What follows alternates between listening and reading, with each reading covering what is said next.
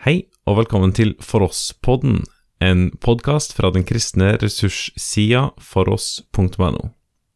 Før episoden introduseres, vil vi gjerne invitere til For oss-konferansen 8.-9. november i Oslo.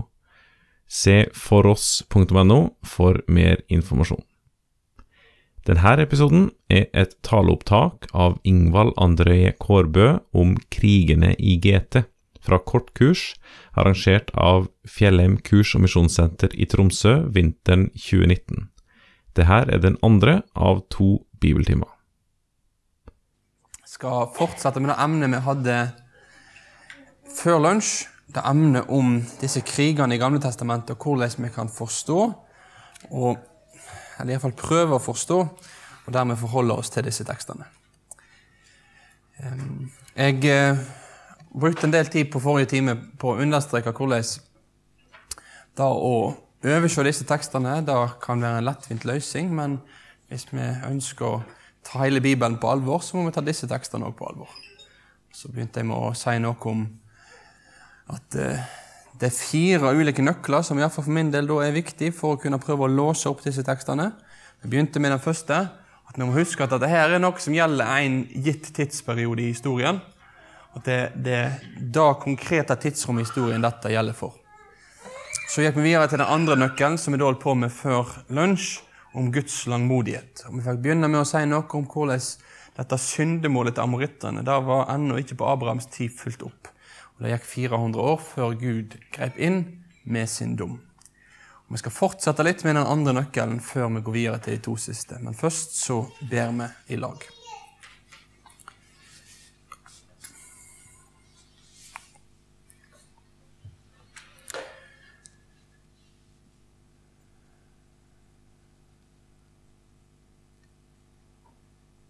Og vi vil få takke deg for at vi i denne timen òg kan få komme fram for deg i bønn.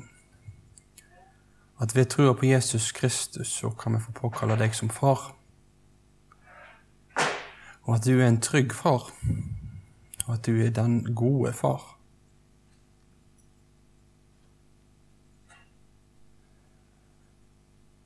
Så vil vi takke deg for at du har gitt oss Bibelen. Og vi ber om din hjelp òg i denne timen til å kunne forstå bedre hvordan du er, og hvorfor du har handla sånn som du gjorde i Gamle testamentet. Gi den visdommen som du ser jeg trenger, og gi våkenhet til å følge med i denne timen òg for de som er her. I ditt navn ber vi om det, Jesus.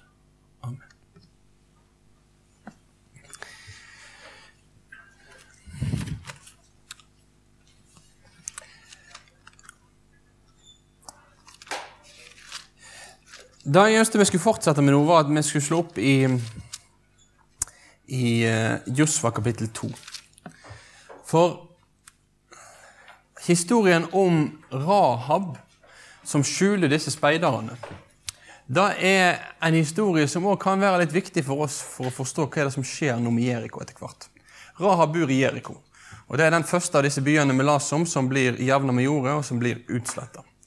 Det står spesifikt i Josfa 6 at Rahab og hennes familie de skal bli spart. Men, men hvis vi leser i Rahab-historien, kan vi lære noe mer om hvordan livet var i Jeriko, og kan vi lære noe mer om, om deres forhold til Herren i denne byen.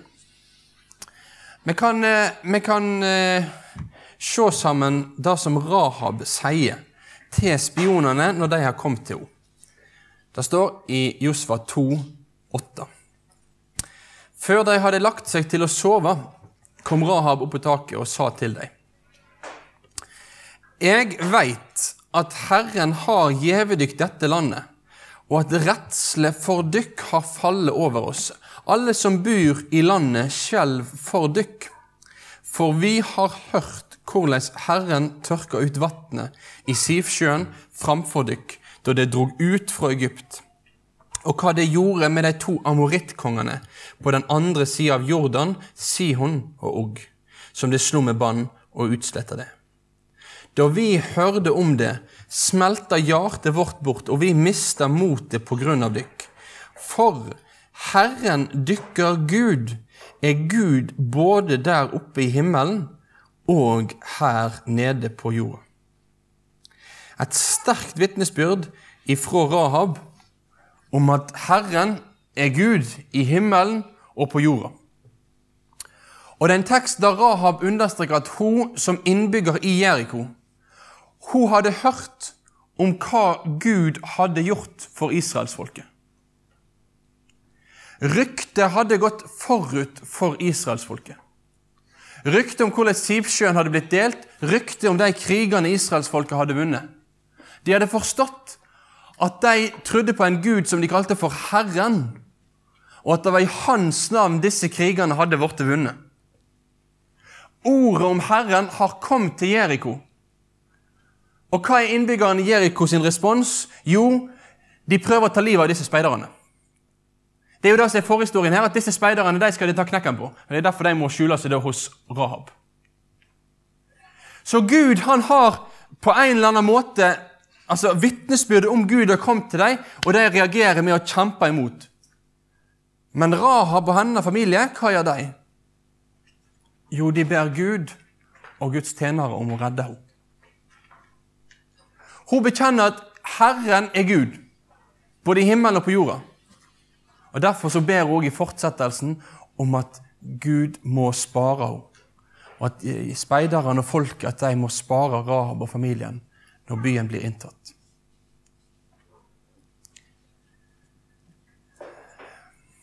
Dette er ikke ubetydelig. Tvert imot så kan vi se at midt i disse tekstene, som handler om noen av de tydeligste dommene i Gamle Testamentet, så ser vi likevel at det er noen som blir frelst. At det er noen som blir redda. At det er noen som har hørt om Gud og venner seg til Gud og til hans folk. Sånn var det med Rahab. Sånn var det med hennes familie og de ble berga.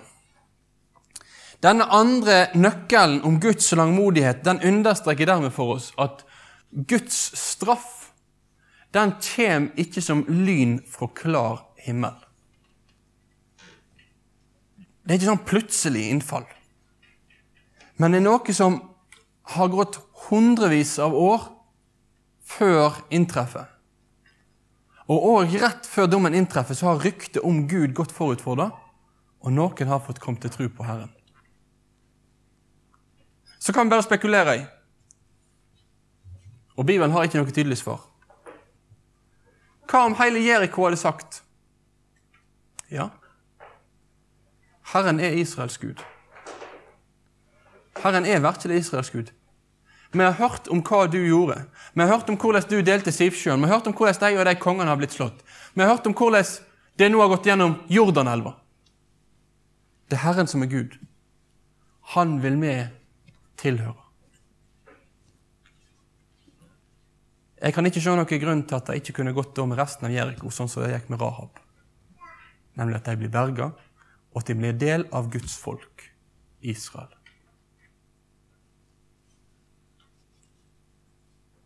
Men da er vi over på spekulasjonene. Og Det skal ikke vi bruke så mye tid på. Men vi skal iallfall ha den tanken med oss. Vi går videre til den neste nøkkelen. Guds hellige rettferd. Guds hellige rettferd. Det er et ord som blir brukt ganske mye i Josvas bok, som er ordet 'å slå med bann', eller 'å bli bannlyst'. Blir brukt igjen og igjen og blir bannlyst'. Det hebraiske ordet er 'cherem', og, og det betyr noe i retning av å bli innvia til Herren. Og Det, det er et litt sånn spesielt begrep. For det som det da egentlig står når det er snakk om at, at noe blir slått med bann, så er poenget at det blir overlatt i Guds hender. Gud skal ta seg av det. Gud skal gripe inn. Og Så forteller Nytestamentet også i Hebreabrevet om at det er faktisk forferdelig å falle i hendene på den levende Gud.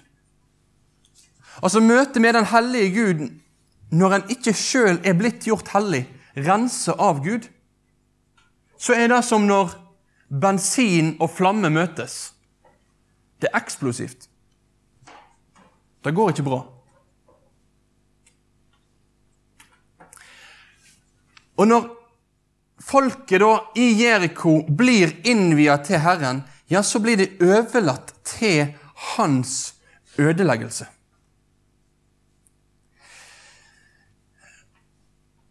Straffa som kommer, den er ikke et resultat av at Gud er slem. Men la oss i stad den teksten fra 2. Mosebok kapittel 34, som jeg mener er en av de mest sånn grunnleggende tekstene for å forstå hvordan Gud er ut ifra Bibelen.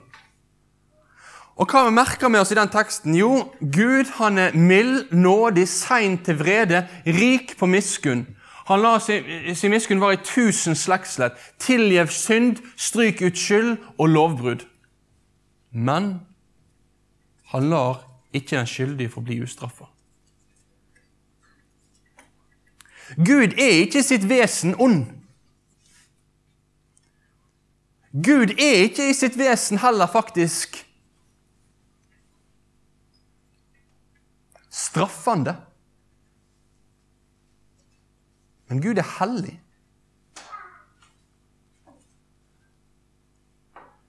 Gud er hellig, og han er mild, og han er nådig. På grunn av at han er den hellige og nådige Gud, ja, så sørger han for en frelse for mennesker som trenger nåde. Jesus Kristus. Men samtidig så forteller Bibelen tydelig at når mennesker ikke har fått vendt om til Gud, så må en stå ansvarlig for Gud.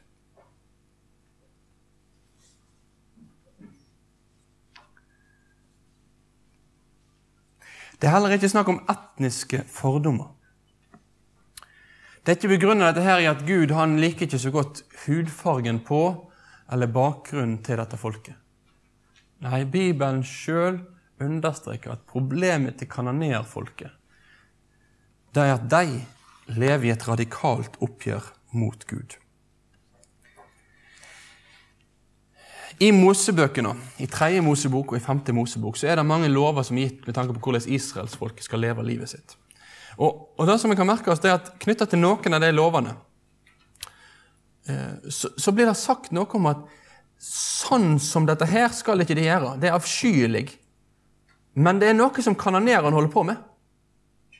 Altså det, det, er ting de ikke skal gjøre, men, men, men det ser ut som at, at det blir nærmest understreket til og med for den tids standard så var kanonerene et, et folk der deres synder var ekstra brutal. La oss slå opp 3. Mosebok kapittel 18.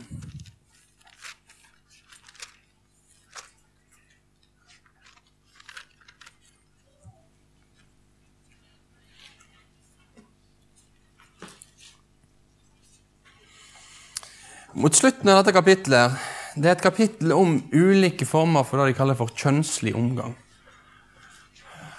All, alle mulige slags ting da, som, som, er for de fleste folk gjennom alle tider regna som veldig tydelig skammelig oppførsel, og som Bibelen tar et tydelig oppgjør med. Det er snakk om ofring av barn, og det er snakk om ulike ting som skjer, som israelsfolk ikke skal gjøre. Det står femte Mosebok på tavlen, men vi kommer til den etterpå hvis det var det du så på. Ja, ja. Men nå er vi i tredje Mosebok først. Tredje Mosebok 18 så står det i vers 24.: Gjer dykk ikke ureine med slikt, for de folkeslaga som jeg vil drive ut for dykk, har gjort seg ureine med alt dette. Så det ser ut som at kanonerene sine liv har, har vært liv der seksualmoralen har vært veldig utsvevende, der barne drap ser ut til å ha funnet sted. Og så kommer en da til kapittel, eller til 5. Mosebok, kapittel 18. Vi kan slå opp der. Og I 5. Mosebok, kapittel 18, vers 12. Da er det snakk om hvordan de påkaller de døde. De påkaller ulike ånder, noe Bibelen tar veldig tydelig avstand fra at Guds folk skal gjøre. Oppsøke spåkone og lignende. Og Det står det i kapittel 18 vers 12. For Herren avskyr alle som gjør slikt, og det er på grunn av dette avskyelige at Herren din Gud tek landet fra deg og gjev det til deg. Ja. Så når Bibelen, vi går til bibelhistorien og ser hva er det bibelhistorien understreker, så understreker bibelhistorien at dette som skjer med innbyggerne i Jeriko, det skjer ikke pga. at Gud er slem, men det skjer pga. folket, pga. deres synde, pga. at de har levd liv langt borte fra Herren der deres syndemål har steget og steget og steget i generasjon etter generasjon etter generasjon. Og så kommer det et tidspunkt der Gud sier at nå nå er det nok. Nå er det slutt. Og Det ser vi gjennom Bibelen, ikke bare i denne teksten her med Jeriko. Om hvordan Gud lar storriket, kongeriket, keiserdømmet vokser. Og så kan vi se at plutselig så kan det være som om Gud sier nå er det nok. Nå har urett nådd sitt mål. Dette kan ikke holde på lenger. Det er blitt for mye. Og så blir det knust. Og så kan det bygge seg opp et nytt rike. Og så blir det ny rike knust. Og så et nytt rike, og et nytt rike, og et nytt rike. Men så forteller Daniels bok oss om at ett rike som består. Et rike som aldri blir knust. Det er riket der Jesus menneskesønn som var lova, er konge. Der riket skal ikke få gå. Men det er den samme historien egentlig gjennom Bibelen.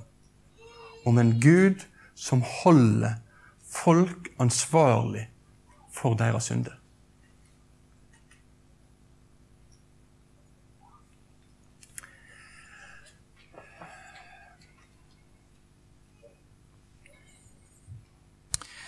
Når jeg eh, leser disse tekstene her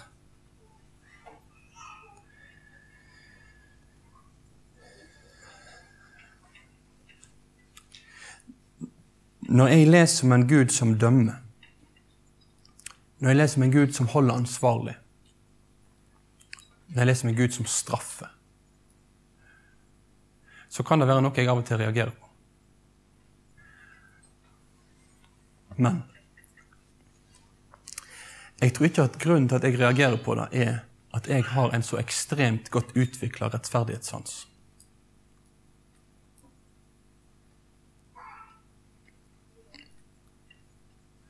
Det det derimot handler om, er at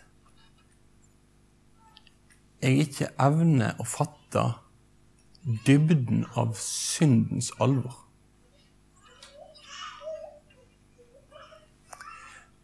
At jeg, at jeg ikke evner å fatte hvor, hvor, alvorlig egentlig det er å gjøre opprør mot Gud.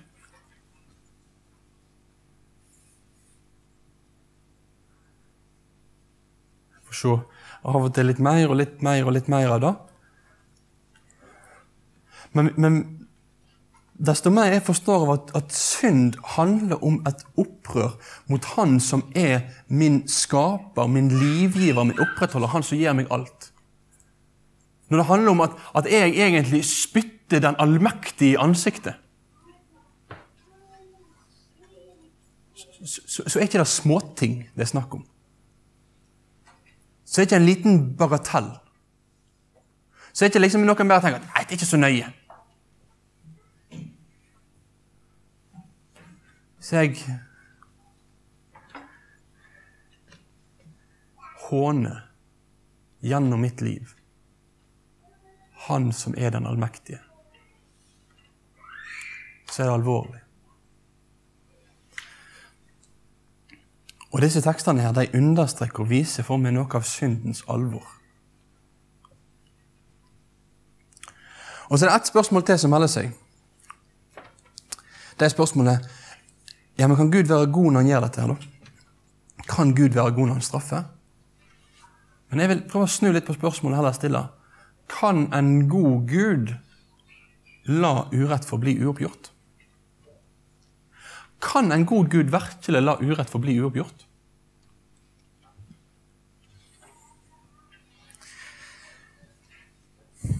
Jeg eh,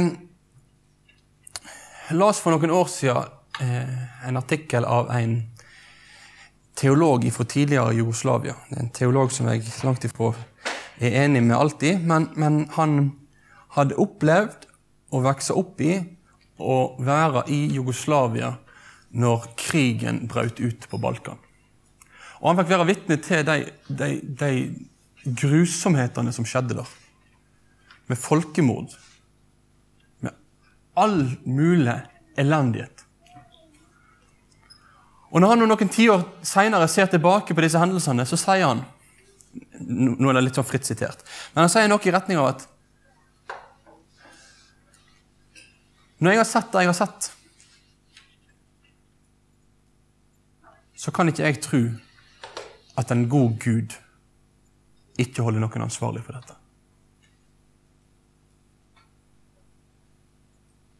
Når jeg har opplevd det jeg har opplevd, så understreker det for meg at en god Gud er òg en Gud som må holde de skyldige til ansvar.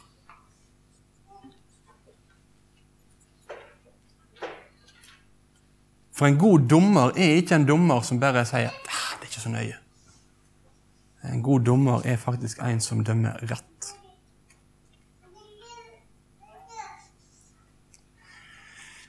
Og Da er vi nødt til å ha med oss òg når vi skal forstå disse tekstene.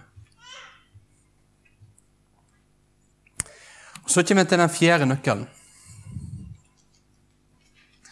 Påvirkning på israelsfolket påvirkning på israelsfolket. For mens den ene nøkkelen som vi viste i stad, har å gjøre med Guds rettferdighet, hans hellighet, Gud som dømmer, så er det òg noe med disse tekstene der det er en tone av kjærlighet som ligger bak, men som kanskje kan være litt vanskelig for oss å se. Men den første teksten vi las i dag, fra 5. Mosebok kapittel 20, den avslutta med å si at en skulle drive ut disse folkene, en skulle fjerne folkene. Hvis ikke så kunne de lære dere å ta etter alt det avskyelige de sjølve har gjort for gudene sine, slik at det synder mot Herren dykker Gud. Guds ønske er at hans folk skal være hans folk. Vi beskriver ofte Gud som en nidkjær Gud. Og det at Gud er nidkjær, det handler om at han, han er lidenskapelig opptatt av at de som er hans, de skal forbli hans. At de som, som har har blitt hans brud, ikke skal springe rundt til alle mulige slags andre brudgommer. Nei, han elsker sin brud, han elsker sitt folk. Han elsker Israel, og han elsker deg og meg. Og det at Gud er en nidkjær Gud, det handler om at, at han vil at jeg skal være hans. Derfor er det ikke likegyldig for Gud hvis jeg springer rundt og tilber avguder. Det er ikke sånn at Gud sitter der og tenker ja, ja, han får nå ha litt avstand, så kommer han kanskje tilbake etter hvert.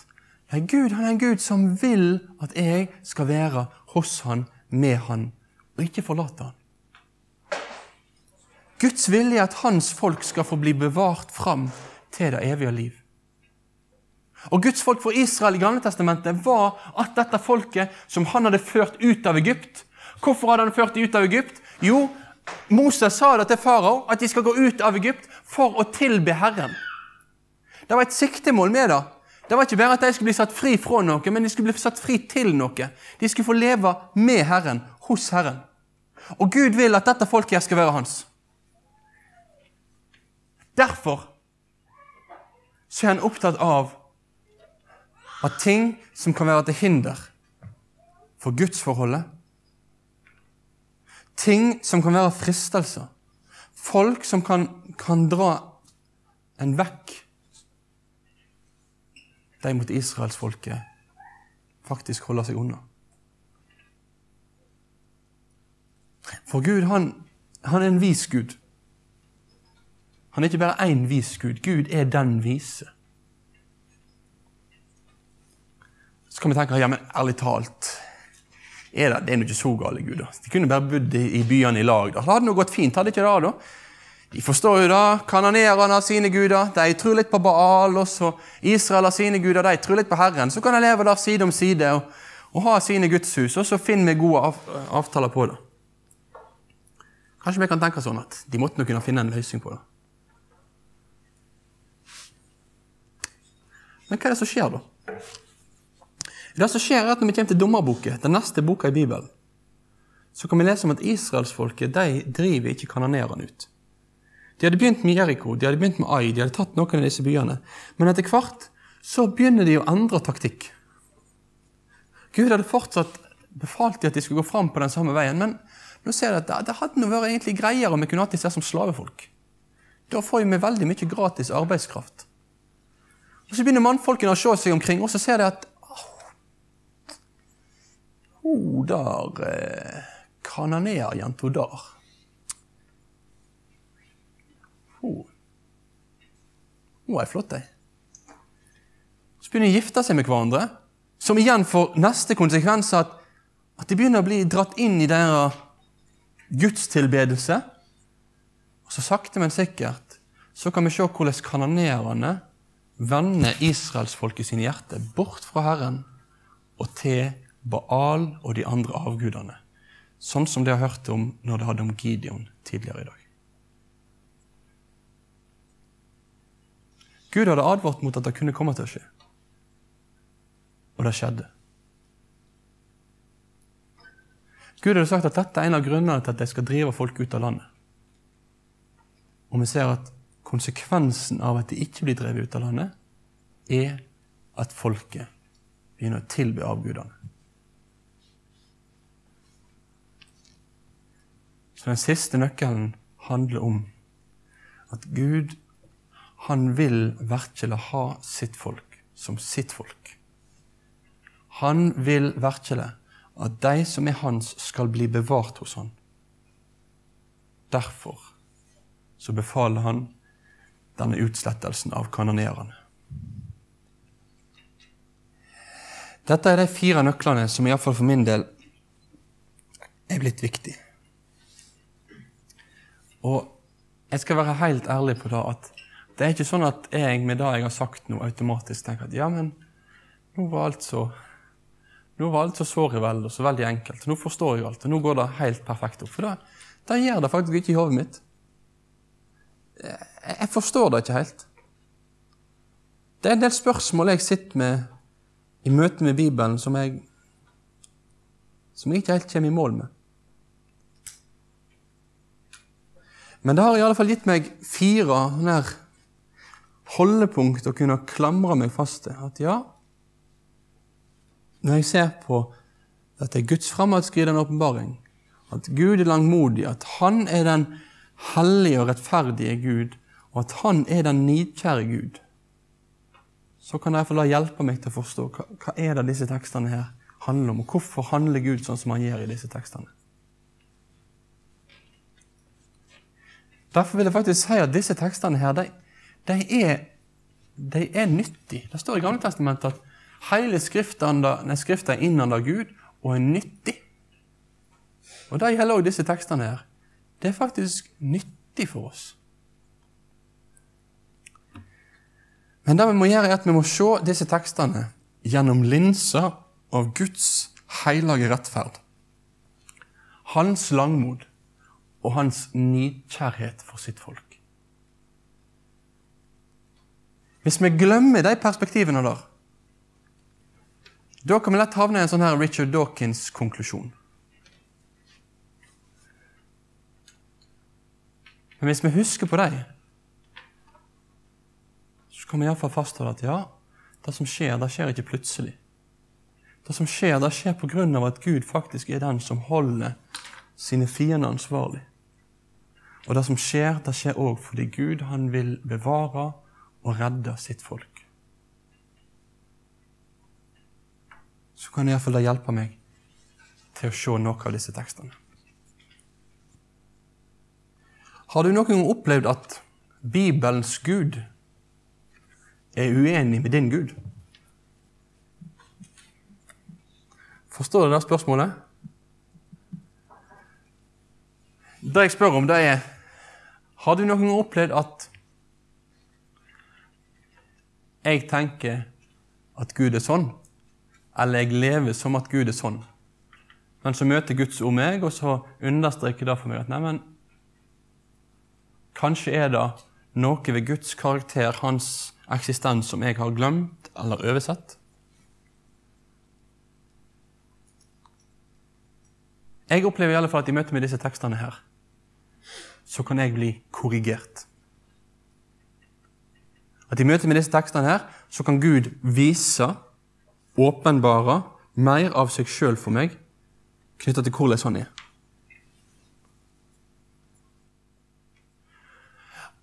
Og jeg trenger hele veien en sånn korreksjon i min gudsforståelse.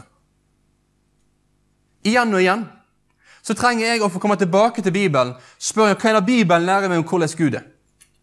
Fordi mitt hjerte har ikke svaret på hvordan Gud er. Min samtid har ikke svaret på hvordan Gud er. Mine venner har ikke svaret på hvordan Gud er. Det er det Bibelen som har. Og jeg er overbevist om at i ei tid der veldig mye gudsforståelse òg er prega av en, altså en, en type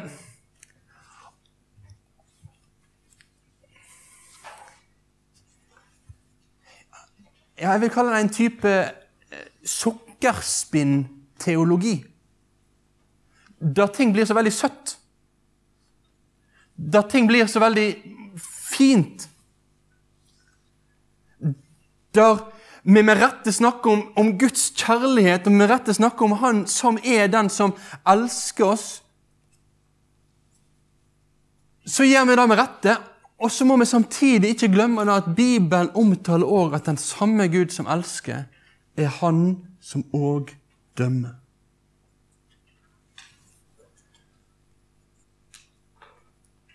Derfor så trenger jeg igjen og igjen og igjen å bli, bli minnet om radikaliteten i Bibelens budskap. For jeg, jeg, jeg må si Av og til så opplever jeg at vi kan bli litt sånn avflata i vår forståelse av Gud. Gud han blir litt sånn midt på treet. Gud i menneskets oppfatning han blir litt sånn fin, fin Gud, god Gud, grei Gud. Men i Bibelen så er Gud den voldsomt hellige, som akkurat i dette øyeblikket her blir lovprist i himmelen som hellig, hellig, hellig. Som himmelvesenet bøyer seg ned for for å vise han ære, han som er den store Gud. Han som er den høyt, høyt, høyt opphøyde Gud.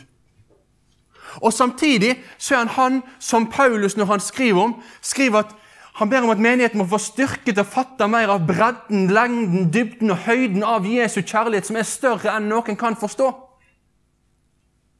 Så Jesus han er ikke han er ikke sånn midt på treet, men han er, han er brennende i sin djupe kjærlighet, som går så mye djupere enn den djupeste menneskelige kjærlighet. Men han er òg så høyt opphøyd at jeg ikke engang kan tenke meg hvor stor han er. For sånn er Bibelens Gud. Og det er Bibelens Gud disse tekstene her òg vil vise meg noe om.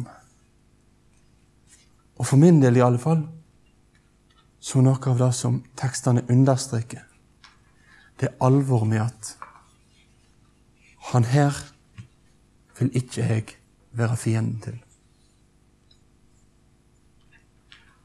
Han her vil ikke jeg stå imot.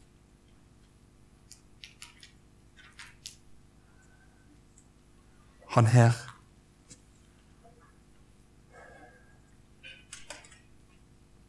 er Gud.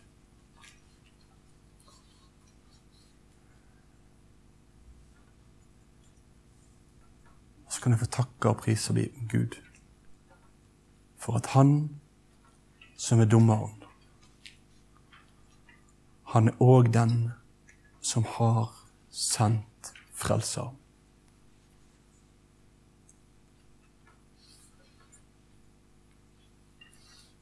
At han som jeg har grunn til å frykte av min synd, han òg den jeg skal få flykte til med min synd, for han har fått tatt den på seg.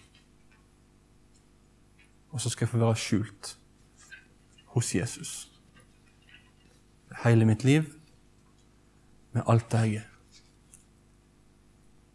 Og vite at hos Han så er jeg trygg.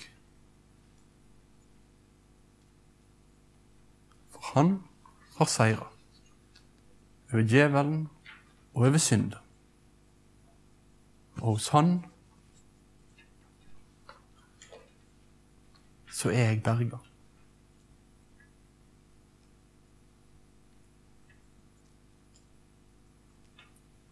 Så ta det òg med deg ifra disse tekstene. En stor Gud og en hellig Gud og en inderlig kjærlig Gud. La oss be.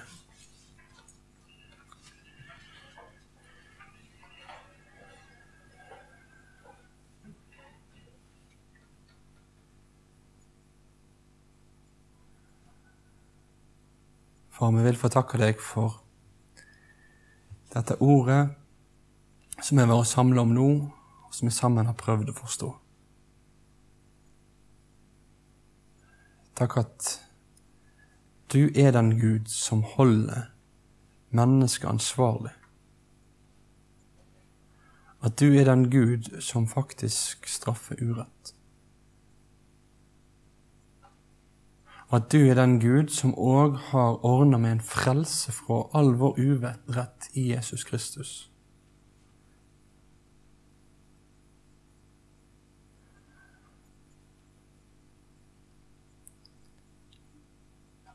Jesus, ditt ord understreker for oss at det ikke er likegyldig hvordan vi forholder oss til deg. At det ikke er det samme men at det er mørke eller lys. Og Jesus, jeg ber deg for oss og for våre som ikke kjenner deg.